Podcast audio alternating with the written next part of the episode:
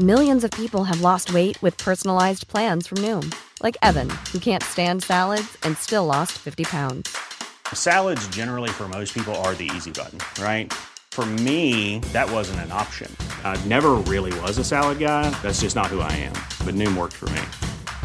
Get your personalized plan today at Noom.com. Real Noom user compensated to provide their story. In four weeks, the typical Noom user can expect to lose one to two pounds per week. Individual results may vary. Hey, folks, I'm Mark Marin from the WTF Podcast, and this episode is brought to you by Kleenex Ultra Soft Tissues, your ally to help tackle your allergy symptoms this season. I love the change of seasons, but nobody loves pollen and all those other things floating in the air that make you sneeze during this nice weather. Kleenex Ultra Soft Tissues are hypoallergenic and allergist approved, so fight back against watery eyes and runny noses without worrying about irritating your skin. For this allergy season, grab Kleenex and face allergies head on. Du lyssnar på Brobacke Podcast. Varje vecka kommer jag ge min marknadssyn med fokus på pris, sentiment och makro. Välkomna! Brobacke Podcast är äntligen live. I dagens avsnitt så gästas jag återigen av Nikos Georgelis från Atlantfonder. Ett kärt återseende. Trots olika marknadssyn så blev det ett kul samtal om vad som har hänt hittills i år och vart vi ska. Frågor och funderingar som vanligt så hittar ni mig på Twitter. Nu kör vi! Nikos Georgelis, välkommen tillbaka får jag ändå säga. Tack, tackar. Atlantfonder, för de som inte vet vem du är får ni lyssna tillbaka till vårt förra avsnitt i november och eh, vi kommer hoppa direkt in på, eh, in på snacket här tänker jag. Eh, det har ju minst sagt varit ett eh, spännande år när det gäller marknaden. Jag tog mig friheten att lyssna igenom eh, vår förra podcast som kom ut i, jag minns inte exakt datum, men det var i november förra året. Då.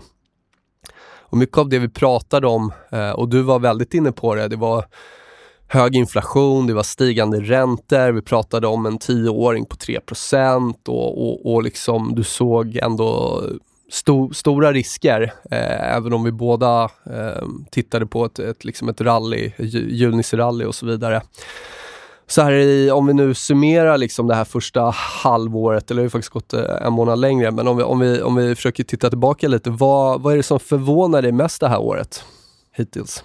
Det som är, ja, men som du säger, om man lyssnar på det så låter det som att ja, man är väldigt rätt på det. Eh, det som var svårt är väl att många av de här skiftena sker ju så mycket aggressivare än man kanske har tänkt. Och många så marknadssamband som blev väldigt knepiga som inte riktigt gällde innan. Så det, det, är väl lite det som blir svårt, att man har, en, man har en väldigt tydlig idé om vad som ska hända. Men det är också väldigt knepigt för det när de här historiska samband, hur saker ska bete sig sinsemellan, inte riktigt eh, lirade. Och sen på, eh, på samma tema som, äh, även om man har en vy om att någonting ska hända, så är, så är inte jag så väldigt mycket för som att, att riktigt helt försöka positionera mig och träffa den absoluta toppen. Utan jag vill gärna liksom vänta in någon eh, confirmation i priset att det faktiskt börjar gå åt det här hållet. Och, och den vändningen kan ju ändå bli ganska kostsam initial för att man kanske ligger å, å, åt det andra hållet. Det... Och jag, jag, känner ju det sedan länge och vi har ju poddat på, på flera håll tillsammans och pratat marknad i, i, i många år nu. Uh, och ni jobbar ju alltid efter, ni, ni är ju sällan helt uh, i en riktning. Det, det, det ju, handlar ju mycket om sannolikheter för er, som, som det alltid är, men ni har ju också liksom ofta en Eh, ofta ett huvudscenario och ett B-scenario och liksom, eh, ja, försöker hålla en, en relativt låg, eh, låg risk i de flesta strategierna också. Ja, men så är det. Sen, eh, så att, eh, jag, jag, kan ha min vy och den kan vara vad den, vad, den, vad den vill vara. Varje dag så simulerar vi liksom alltid totalen för massa olika utfall.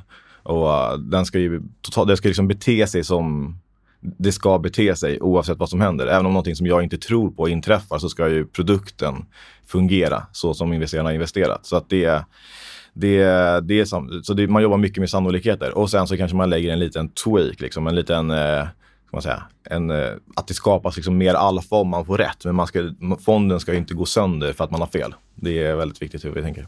En sak är analys och en annan sak är exekvering. Eh, och det tycker jag har blivit extra tydligt det här året. Eh, som du säger, eh, det var ju redan förra året ganska tydligt att vi hade en, en inflationstrade. Det var till exempel brun energi som, som var den bästa sektorn i S&P eh, redan förra året och, och, den trenden har väl fortsatt även i år. Eh, vi hade stigande räntor globalt. Eh, vi hade ett, ett risksentiment eh, som egentligen pikade redan i februari förra året.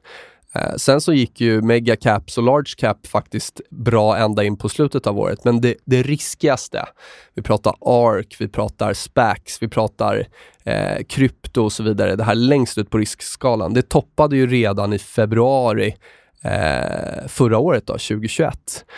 Och det pratade vi också om, tror jag, i Absolut. den podden jag var med om. Att, vi, att vi, vi pratade om att alltså, bredden i den här uppgången på slutet fanns inte där, utan det var väldigt lite som drog det.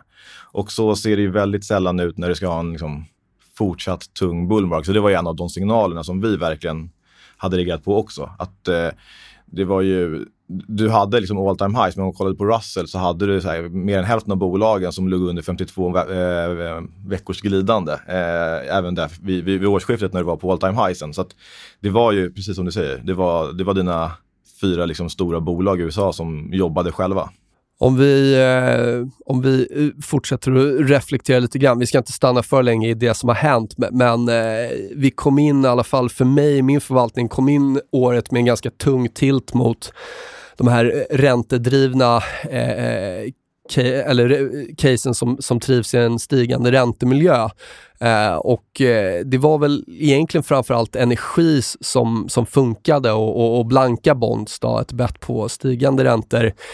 Sen hade vi egentligen, vi har haft egentligen två eller tre tillfällen där, där vi har haft ganska kraftiga då rallys i den här nedåtgående trenden. Eh, det var ju dels i mars, vi hade ett litet uppställ i, liksom som kom i maj och sen framförallt sen i somras. Då.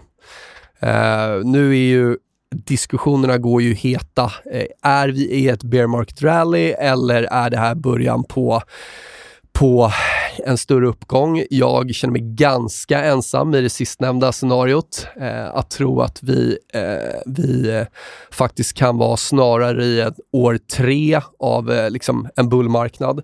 Om jag bara repeterar vad, vad det är jag menar med det så vi kan titta på 2009 och då hade vi liksom eh, en kraftig botten och sen fick vi ändå sidled. Det var halva 2010-2011 där för att sen bullmarknaden skulle fortsätta. Vi hade 2000, eh, egentligen botten eh, 2003 eh, och så hade du ett par fina år där, fortfarande i en stigande räntemiljö fram till 2007. Eh, motargumentet är att det här är ett 2008-scenario. Eh, jag ser många analogier med 2008, det postas grafer där det liknas och eh, vi kommer in på liksom någonstans distinktionen där. Jag vet att vi pratade innan vi tryckte på knappen här att ni är nog fortfarande kanske i, mer i lägret att, att vi kommer att se nya lägsta. Sen vet vi inte om det är ett 2008-scenario. Eh, men, men, eh, berätta lite hur, hur du tänker där. 2008-scenario är inte, det är inte mitt eh, huvudspår. Eh, det skulle kunna bli det, men jag tycker inte att vi, vi är inte där än alls. Eh, det är, när vi kom in i året så sa vi att vi kollar på det vi kollar alltid på räntor. Det är liksom, det, räntorna prisar liksom vad risktillgångar ska, hur de ska prisas. Eh, så bara på basis av ränteuppgången så sa vi att ja, men, om, man, om man diskonterar liksom den här ränteuppgången så ska man prisa om risktillgångar. Då pratar vi någonstans om en 20 i nedgång. Det är den vi har fått.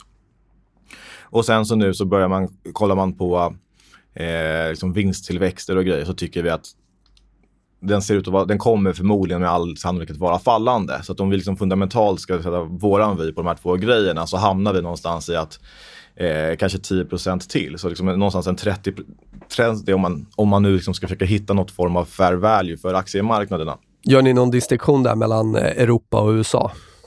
Det blir ju det ganska tydligt nu. Alltså USA ser ju extremt mycket bättre positionerat ut. Eh, Europa ser ju ganska kört ut, tyvärr. Men det ligger ju också ganska mycket i priset. För att även om de här indexerna, USA ligger inte så mycket efter ser det ut som i, i pris. Men med den dollarstyrkan vi har haft så är ju liksom deras outperformance kontra Europa och Sverige är ju monumental i år. Så att mycket av det ligger liksom redan inprisat. Det är inga hemligheter. Och, och om, eh, om låt ponera att det skulle vara en botten här så är ju både S&P och Nasdaq gör en högre botten.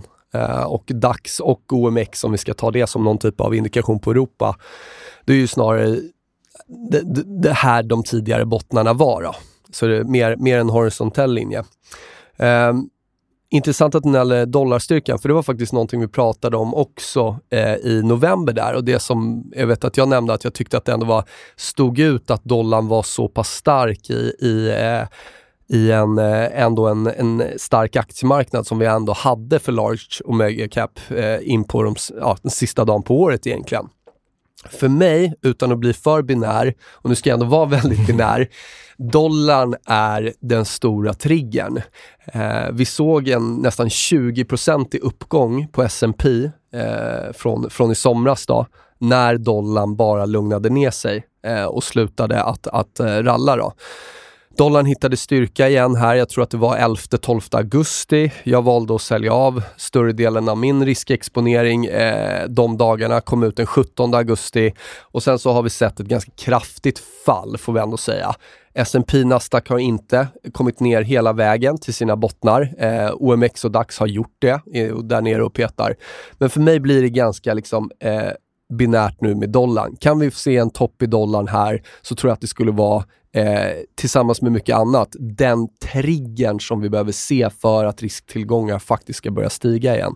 Nu vet jag att du har svarat på den här frågan tidigare när jag frågade vad tror du om dollarn? Du säger, kan ni, ja, liksom, ni har egentligen ingen, ingen tydlig vy där, men kan vi, kan vi beröra lite va, varför dollarstyrka och dollarsvaghet blir så viktigt för, för risksentimentet? Ja, men det blir, så precis som du säger, om, om om dollarn börjar falla, då blir det rea på typ alla risktillgångar. Det är liksom det som är det stora. Då, då blir till syvende och sist så allting ska ju prisas i dollar. Så, eh, så på samma sätt om den skulle börja falla så jag håller med, det kommer vara liksom raketbränsle. Sen om det blir liksom ett, att det blir en kortare period, vi får ett till liksom bear market rally eller vad vi ska kalla det. Eh, det vet vi inte. Sen är frågan vad som kommer vara triggen för att så, det man helst skulle vilja se, för att liksom, jag skulle vilja någonstans positionera mig för en riktigt, riktigt Stark avslutning på året till exempel. Ja, men stark mm. avslutning på året, ja, men med liksom ännu längre. Jag, är så, jag har så svårt att hitta den här liksom riktigt långa två, två tre års liksom bullcykeln till varför, varför vi ligger nu i att eh, det här ska vara en, en väldigt stark trend.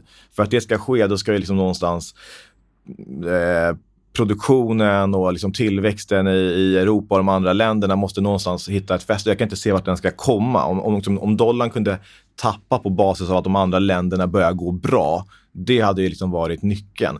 Det är därför många pratar om att eh, det här är ett 08. Vi har sagt att initialt har det varit mer ett 94. Då fick du typ en 20 i dropp på basis av räntehöjningar. Ja.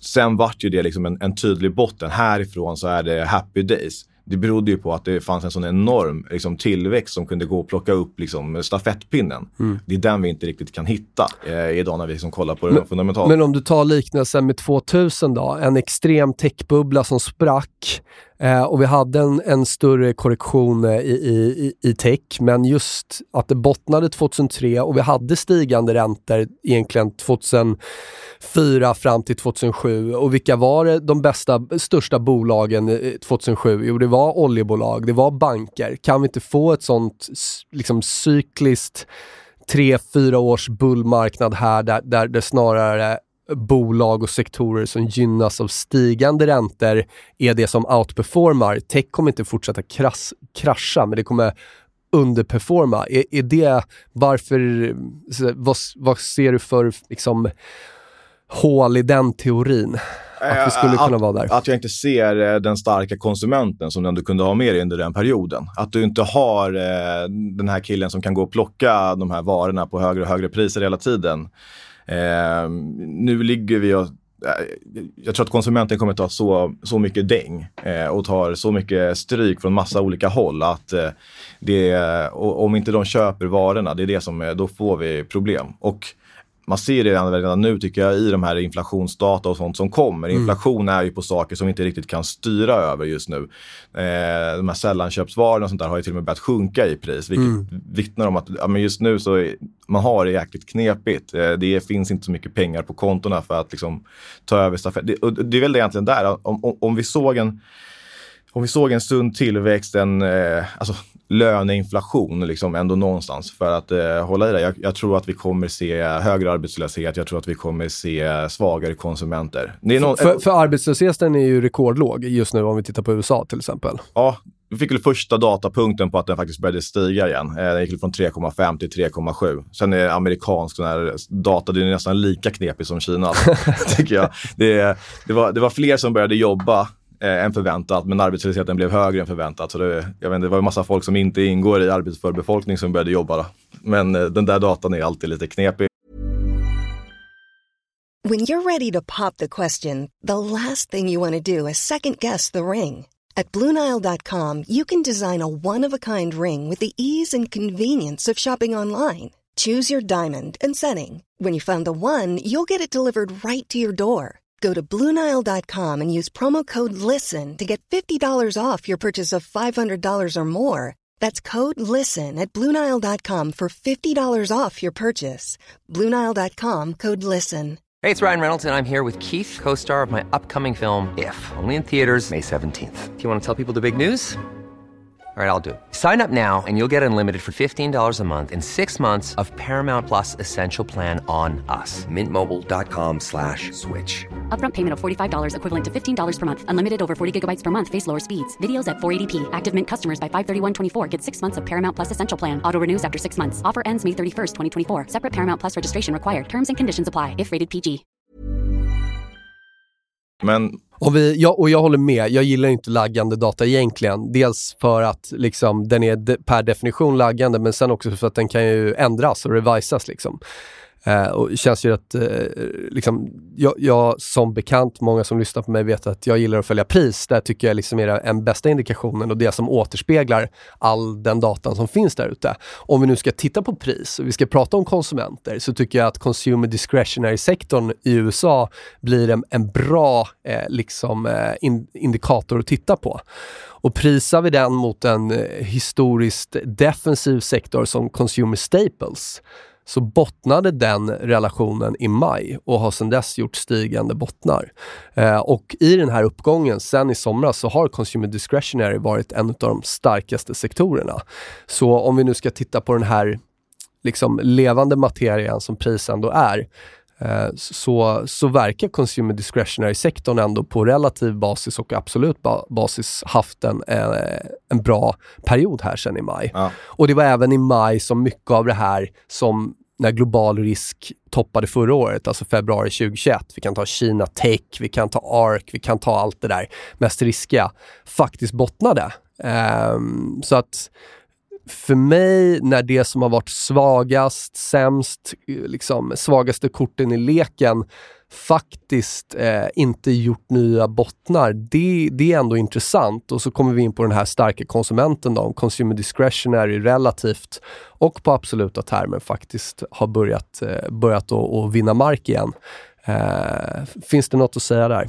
Eh, nej, men jag håller med. Det är, alltså, all, all data är inte liksom eh, tydlig åt, åt ett håll. Så att det där är ju eh, datapunkter som, som absolut ska, ska kika på. Och, och, och jag, jag, kollar också jättemycket på pris. Eh, man, man kan tycka vad man vill fundamentalt, liksom, men, eh, men priset säger i alla fall vad, vad det ska bli sen. Så det... och, hur många gånger har man inte suttit och, i, i marknaden och att makrot har varit så extremt dåligt? Makrosiffrorna har pekat på att det verkligen är liksom katastrof. Och det är också där vändningen kommer. Eh, och sen laggar den makrodatan och påverkar många väldigt mycket. Och du får liksom en, en, eh, en bull som climbing a wall of worries. Eh, och, och, klättrar på den här dåliga datan för att sen så kommer den här laggande datan börja förbättras sen. Eh, på samma sätt som du kan ha den bästa makron. Jag kommer ihåg hösten 2018 när det kom in den bästa ISM-siffran någonsin och det var i princip toppen. Eh, någon, någon, reflektion där, svårigheten att fastna i ett extremt negativt makrosentiment när pris faktiskt börjar bottna ur. Um, men jag tycker, alltså man ska göra sina övningar och sånt där, men man ska liksom jag bettar väldigt sällan mot pris liksom, och säger att det är fel. Um, Däremot så kan jag jobba, jag jobbar ju mycket med optioner och med optioner så jobbar du med sannolikheter. Så jag kan liksom bygga upp någon position där jag säger att så här tror jag. Men har jag fel, liksom, för att det finns ganska mycket som tyder på att jag kan ha fel nu, så ska det inte bli, bli katastrof. Eh, en, annan, eh, bara, en sak som jag verkligen tycker man ska hålla koll på, det kommer vara huspriserna i USA. Alltså det kommer vara, det kommer vara en så extremt eh, viktig datapunkt. Och eh, nu, har ju, nu fick man ju liksom data på att de vi har ju sett att de börjar falla i Sverige, man har fått sett att de börjar falla i Europa. Men de har inte fallit någonting alls i USA. Men det är också återigen så här laggande data. Så jag tror sista datapunkten där var ju för eh, per sista juli. Eh, och det var ju en fortsatt uppgång liksom, i juli. Men ser vi där att huspriserna börjar falla så är det väldigt svårt att hitta det, det är väldigt svårt att hitta det börjar plana ut. Jag tror att de ska börja falla eh, och gör de det så skulle jag förstärka min vy av att det liksom inte kan komma en stor bullmarket. För det går inte att hitta en stark bullmarket någonstans historiskt med fallande huspriser. Men än så länge har de inte fallit, så det, det ska och, man ha med sig. Och tittar du på ETFen där, Homebuilders, så kan du se att den bottnade ju tillsammans med S&P eh, i juni. Och den handlas i princip till samma nivåer som vi var i maj. Och vi får gå tillbaka, om vi ska titta från 2021, så är det egentligen där, där den spenderade ganska mycket tid under våren 2021, runt 60 dollar. Då. Eh, så eh, man kan ju ändå dra, även om det var en ny botten i juni här, så är vi ju i princip där vi var i april liksom, i år. Eh, och vi har raderat upp, ut en uppgång sen, sen, ja, sen, sen förra våren. Då. Och det, det är där jag tycker lite också att med den starka uppgången vi hade på i princip alla världens börser sen covid-kraschen, i vissa fall 100% i uppgång, i vissa fall mer, att vi korrigerar 20% liknande. Är det någonting som vi inte har sett tidigare? Nej, det, är väl, alltså det, det skulle det, det kunna hända. Det, det är ingen, fullt normalt, eller? Absolut. Ja. Fullt normalt. Eh, eh börjar, vi, börjar vi bryta ner mot nya lägsta, låt oss säga att vi, vi verkligen liksom etablerar oss under 1900 på OMX eller DAXen tar ut de här bottnarna eller S&P, oh, gud förbjude, skulle gå ner mot sina lägsta och göra nya lägsta, men då är vi ett annat scenario. Men som vi är nu, om vi ska liksom koka ner det till, till pris, så är det ju inte, den korrektionen som har varit, inte konstig med tanke på hur kraftigt vi steg sen covid-botten. Nej, och, och så ju, Eh, det tycker jag är helt, och det är därför också som jag pratar om eh, som att det borde komma nya lägsta. För jag tycker att man kan, man kan sudda ut 2021 bara mm. från, från alla grafer. Mm. Det, man, man, kan ta bort det året. Mm. Det var liksom, det didn't make sense. Liksom. Så tar du bort det, så står vi egentligen, då står vi egentligen stilla. Ja. Men jag tycker att det har hänt ganska mycket eh, med de här högre räntorna och att vi är på väg in i negativ tillväxt och jag ser en svagare konsument.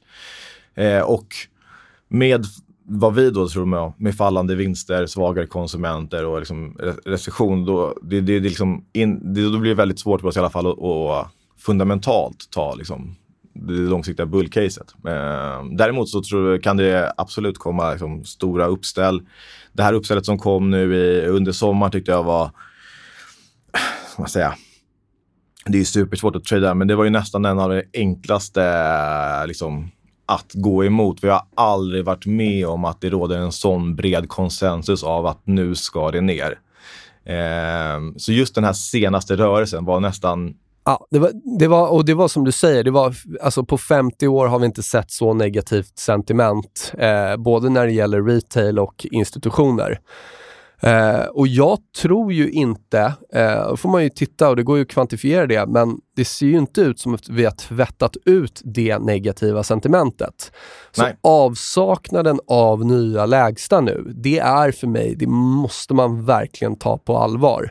Eh, jag fortsätter, nu, nu, liksom, nu får man ju tala efter positionering också. Hade jag varit, liksom, hade jag känt mig man är aldrig säker i marknaden, det vet vi alla som har hållit på. Eh, men, men, hade jag varit hade jag sett liksom triggern i, till exempel dollarn och att, att räntor hade haft mindre volatilitet, men då hade jag ju varit fullt allokerad. Det är jag ju inte nu. Jag har ju liksom knappt 25% och öppen dollarrisk. Så att, så att eh, fortfarande sitter jag ju och väntar på den här triggern. Men för mig är det ändå avsaknaden av nya lägsta, om så är fallet här, och en potentiellt fallande dollar då ligger risken på uppsidan. Ja. Eh, hedgefonder är rekordlåg eh, exponering mot aktier.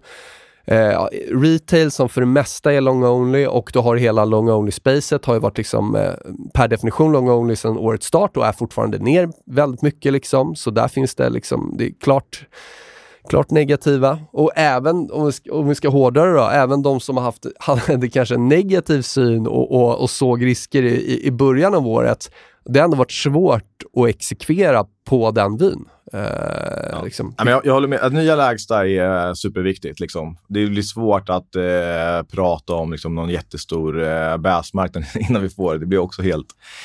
Man ska nästan... Ska säga, du, du, du, får ett ganska fint tradingläge här också tycker jag. Eh, som vi, vi har ju våran, våran vy, sen har vi våra liksom, långa puttar. Eh, det vi gjorde i somras, det var ju att vi liksom egentligen hedgade våra puttar. Så vi gick ganska flat, men där de ändå liksom kan fortsätta vrida till om det fortsätter ner.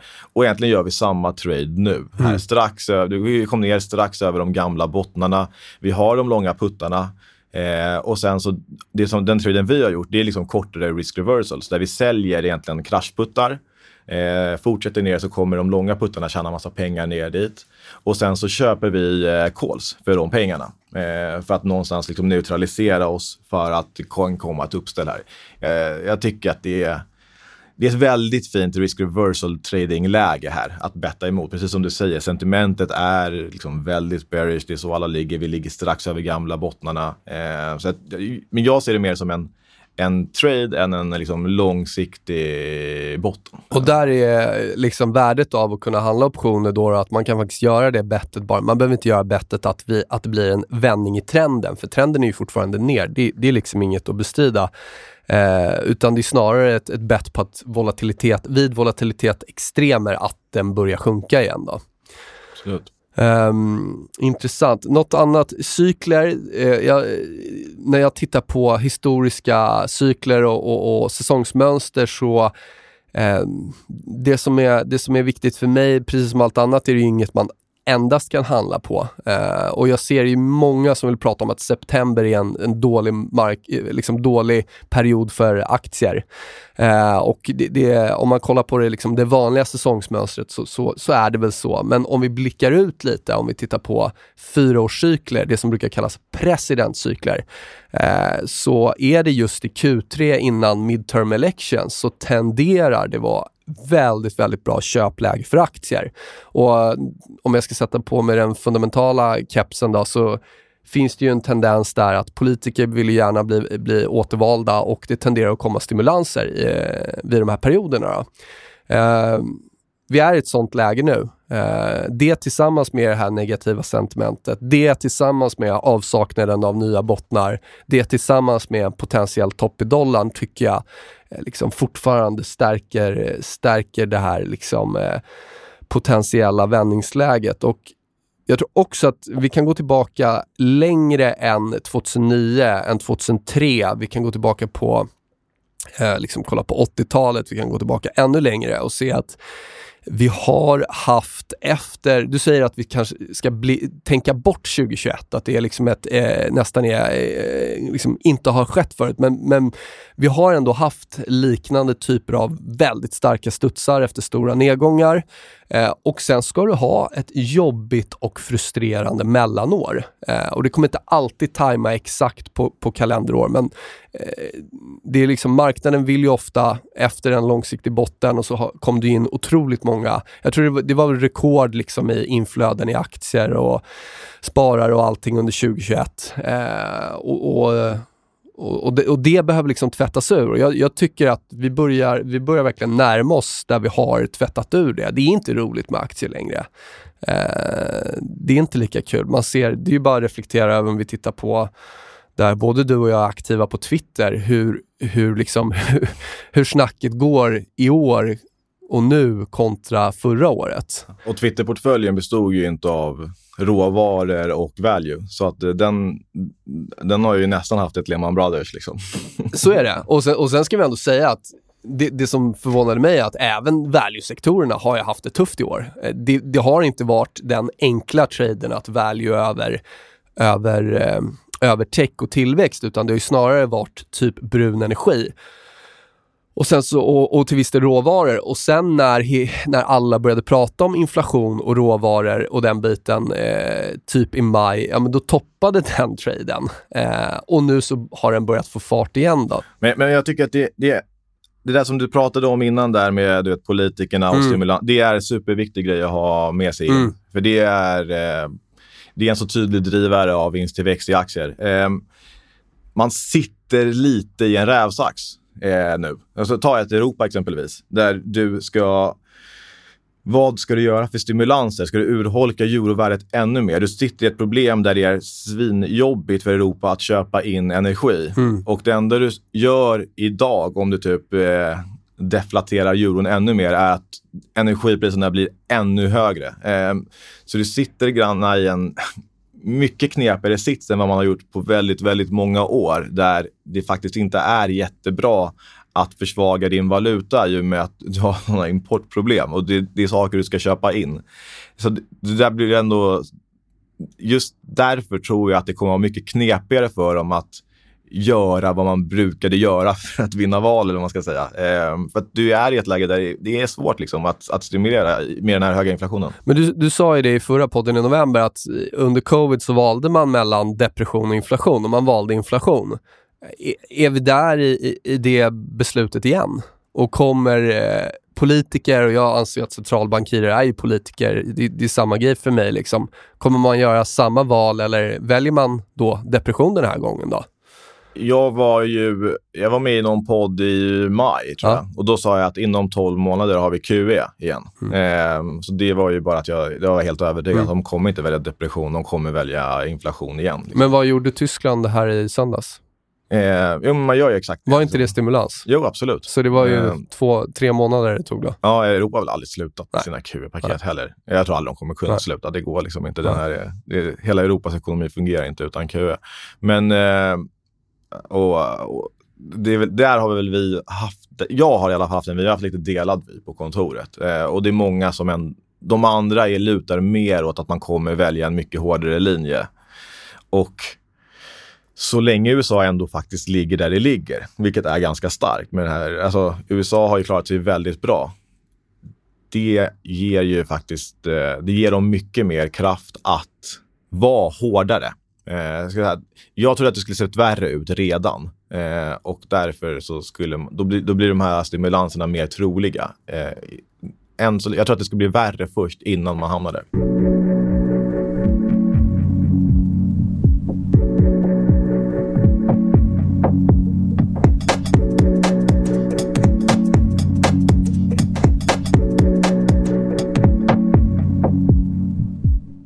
Ska vi, vi, ska- vi ska vända lite på steken här och, och, och prata lite, lite uppsida och lite case, tänker jag.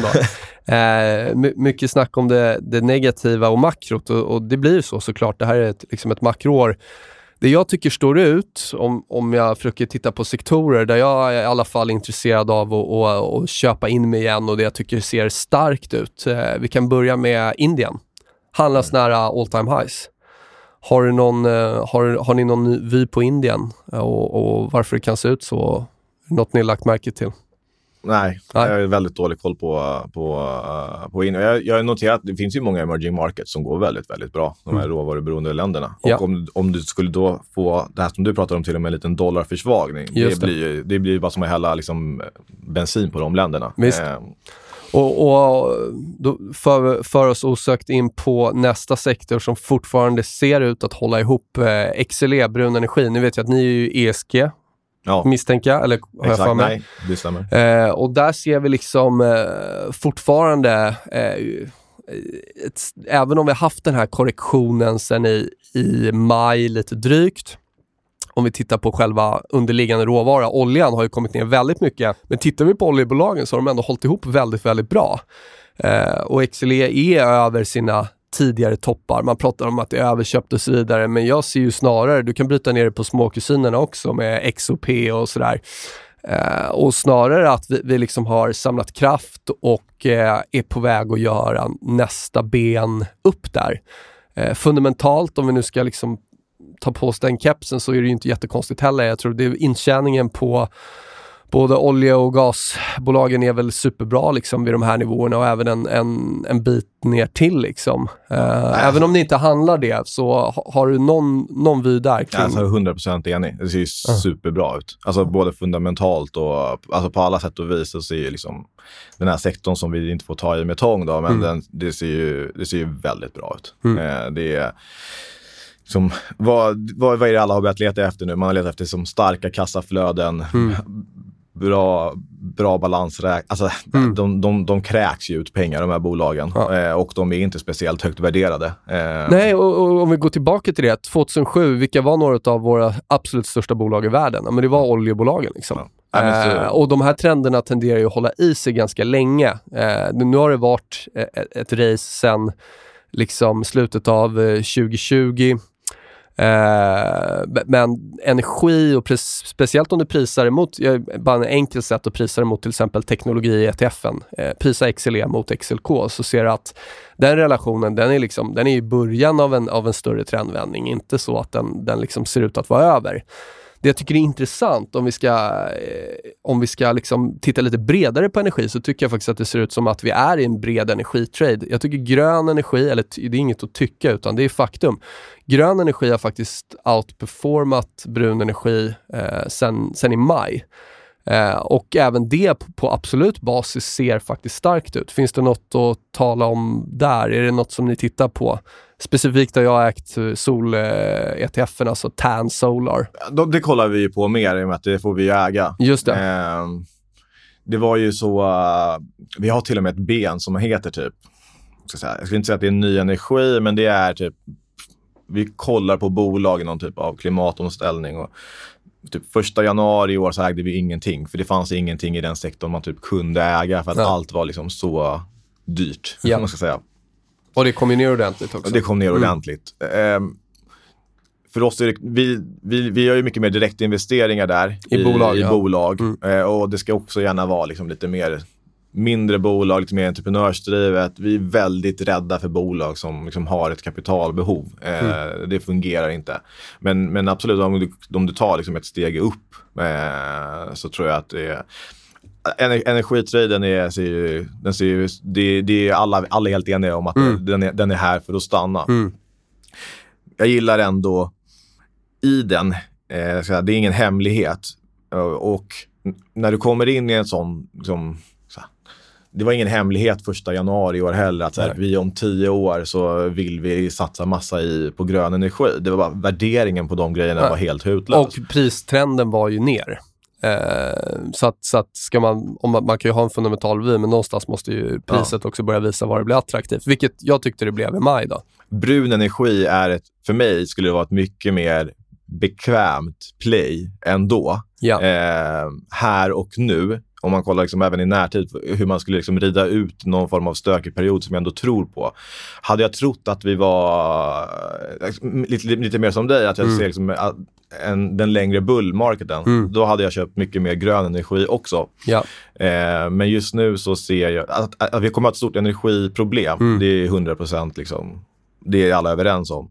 Men på det så har du en liksom, brun energisektor som inte är dyr. Hade den varit dyr hade det varit en annan grej, men den är fortfarande Nej. inte dyr. Och det är därför jag gillar den. Och den känns bara... Och, och, och, det är där jag tror, för mig, om vi hade varit, om jag hade trott på ett 2008-scenario, då hade vi sett att brun energi totalt fallerade här.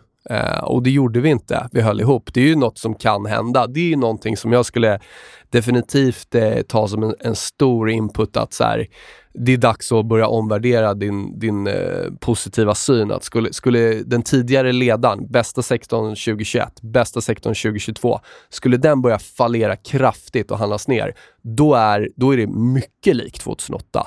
Eh, och det skulle antagligen ske med en väldigt liksom, snabb räntenedgång snarare än liksom att räntor fortsätter att takta uppåt. Men jag tycker inte att vi ser det. Jag tycker snarare att det ser ut som att vi har pausat sen i maj i en, i en, eh, en längre positiv tändare brun energi. Men det, det är för mig, ja. det, det, skulle, då skulle analogin 2008 vara, vara mer sannolik om vi såg ja. att brun energi fallerade. Och jag tror inte heller på 08, inte än. Nej. Jag får se liksom om det här kan eskalera ut i något sådant, men det är inte, där, det är inte liksom mitt, min take nu heller även fast jag är mer bäsad, så är det mer bara att jag tycker att jag har bara så extremt svårt att se bull, bullmarknaden. Eh, Utilities, en annan sektor som eh, handlas nära all time highs. Det är ju historiskt en defensiv sektor, men vi kan också hitta många exempel på när faktiskt utilities går bra i bullmarknader. Det är ju fortfarande aktier. liksom. Eh, så där tycker jag att man kan titta in på. Eh, om man nu vill ta bett på enskilda bolag så går det ju enkelt att titta på vilka liksom, ETFer som eller vilka bolag som finns i den ETFen. Eh, det är också någonting jag noterat. Då. Har du, har du några specifika case som Ja, du vill prata om? vi, vi handlar ju väldigt mycket eh, fixed income-sidan. Så vi handlar ju väldigt mycket räntor.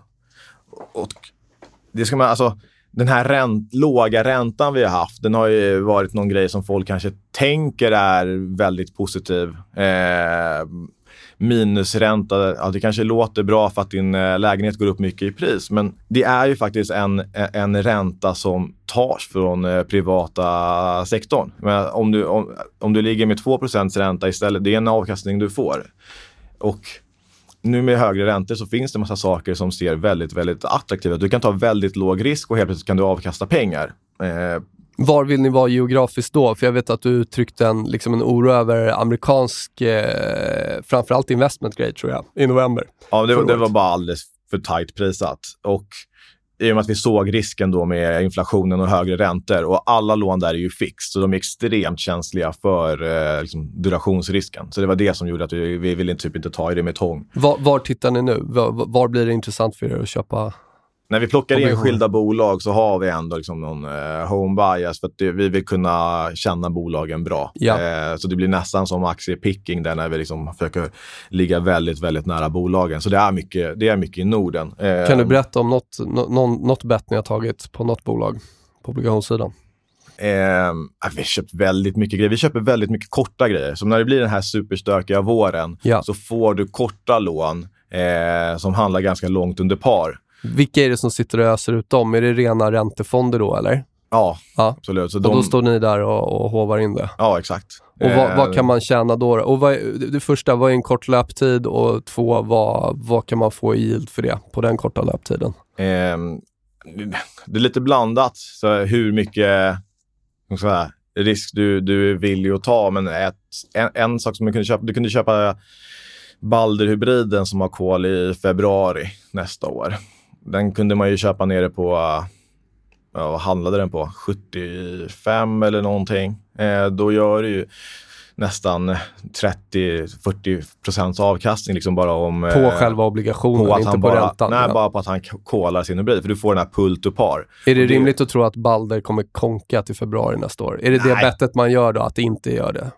Bettet du gör är att han, du bettar på att han kolar hybriden. Om Ja. han inte kolar hybriden förlängs det ju med fem år. Ja. Ehm, vi tror att, att, att det skulle liksom bli en call där. En- Men marknaden tror ju att de, de har det ganska kämpigt, Ja. Mm. fastighetsbolagen. Så att det finns en stor risk att den inte kollas. Eh, Får då- man lite, lite socker på toppen också då med själva, vad, vad får du i räntan? Eller är det bara ett bett på att obligationen går till, om man säger par då? Alltså vi, vi tar mycket mer det bettet. Ja. Det är bara att de här obligationerna går till par. Ja, För att vi tycker inte om... Eh, en aktiemarknad, en aktie är en stökig marknad. Mm. Den är så här, du måste ju få med dig massa Mm. andra som tycker som du. visst. Men om du köper en obligation på kurs 92 som har förfall om ett år. Det enda du säger är att bolaget konkar inte. Nej. Så det räcker med att du ensam har rätt och alla Yes. andra har fel. Då får du tillbaka pengarna. Och det är det som vi gör med väldigt stor bulk av vårt kapital. Så vi har liksom, även fast vi ligger liksom lite minus, ska säga, i år i fonden, skulle jag ändå säga att våran fond, om man spolar här framåt, de här grejerna är positiva för oss över tid. För att Ja. vi kan köpa massa saker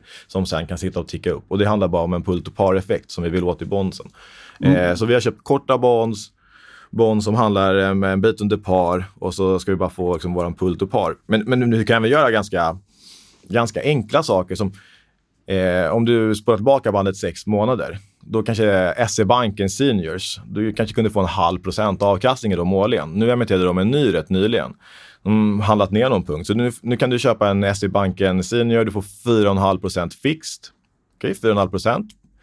Då, då tar du egentligen bara risk på att SE-banken inte går i konkurs. Med den här kupongen, då kan du ju köpa Du, kan, du skulle kunna köpa en call mot aktiemarknaden eller du kan köpa en call mot eh, ett high yield-index. Det blir finansiering till något riskigare. Exakt. Mm. Så, så, så som du, kan modellera den där, det är, du tar 4 en där kupong så kan du köpa, kanske säg att du tar 2% och lägger i en option mot ett high yield-index i Europa. Då får du full expo mot high yield i Europa årligen för ungefär ja, en bit under 2% Och sen kan du köpa en OMX-putt för 1 Det här paketet, är plötsligt, då har du nästan fått high yield-exponering till statsskuldväxelrisk. Och de grejerna gick inte att göra för sex månader sedan. Nu går de att göra. Går de fortfarande att göra? Ja, absolut. Ni sitter och gör det hela Ja, tiden i princip. absolut. Så nu, Ja. Idag kan du, du kan gå och köpa SE-banken Seniors, få 4,5% garanterad kupong och sen så tar du kupongen och så kan du sitta och vad man ska säga, en renässans för struktar. Liksom. Men du kan sitta och bygga en massa sådana saker, Ja. igen, eh, de här paketen. Visst. Eh, och då får du, här, om du lägger 1% på en, eh, index, en ettårig liksom putt mot index och sen så lägger du 1,5 mot eh, calls mot high yield. Då sitter du med någonting som, worst case så gillar du 2% om året. Det låter ju fantastiskt. Du, vi börjar närma oss slutet här, eh, men jag är säker på att vi kommer få möjlighet att, att prata igen Nikos. Det var kul att se dig. Men är det någonting sådär som vi ska avsluta med? Vi har inte haft någon riktig agenda här idag, utan vi har bara kört på. Men är det någonting som du tycker är liksom viktigt för lyssnarna att tänka på eller något som du vill berätta om Atlantfonder eller någonting som, är, som, Nej, som men du vill förmedla? av vårt samtal som... Eh, vi babblar ju på liksom, men jag tycker att de viktiga punkterna att ha med sig är att det är sannolikheter. Eh, Alltid. alltid sannolikheter. Jag tycker, precis som du var inne på, att eh, eh, man kan vara bad att man vill, liksom ha koll på nya bottnar. Eh, och eh, våga utmana dig själv där. Liksom. Kanske tills de, det är ett väldigt fint tradingläge kanske att inte ligga all in för bä som inte nya bottnar har kommit. Eh, det, hedga dig i alla fall där om du ligger liksom helt kort. Och sen eh, att eh, kika på de här prisindikatorerna som vi var inne på. Eh, du var inne på att man ska spana på konsumenten och jag tycker också att man ska verkligen ha koll på huspriserna och husmarknaden i USA. Så att om, om, om jag hade lyssnat på det här och skulle liksom bulta ner i några bullets vad man ska ta med sig så är det det. Snyggt. Kul att du kom Nikos. Ja. Ta hand om dig, kör hårt till Tack nästa gång. Ha det bra. Tja. Wherever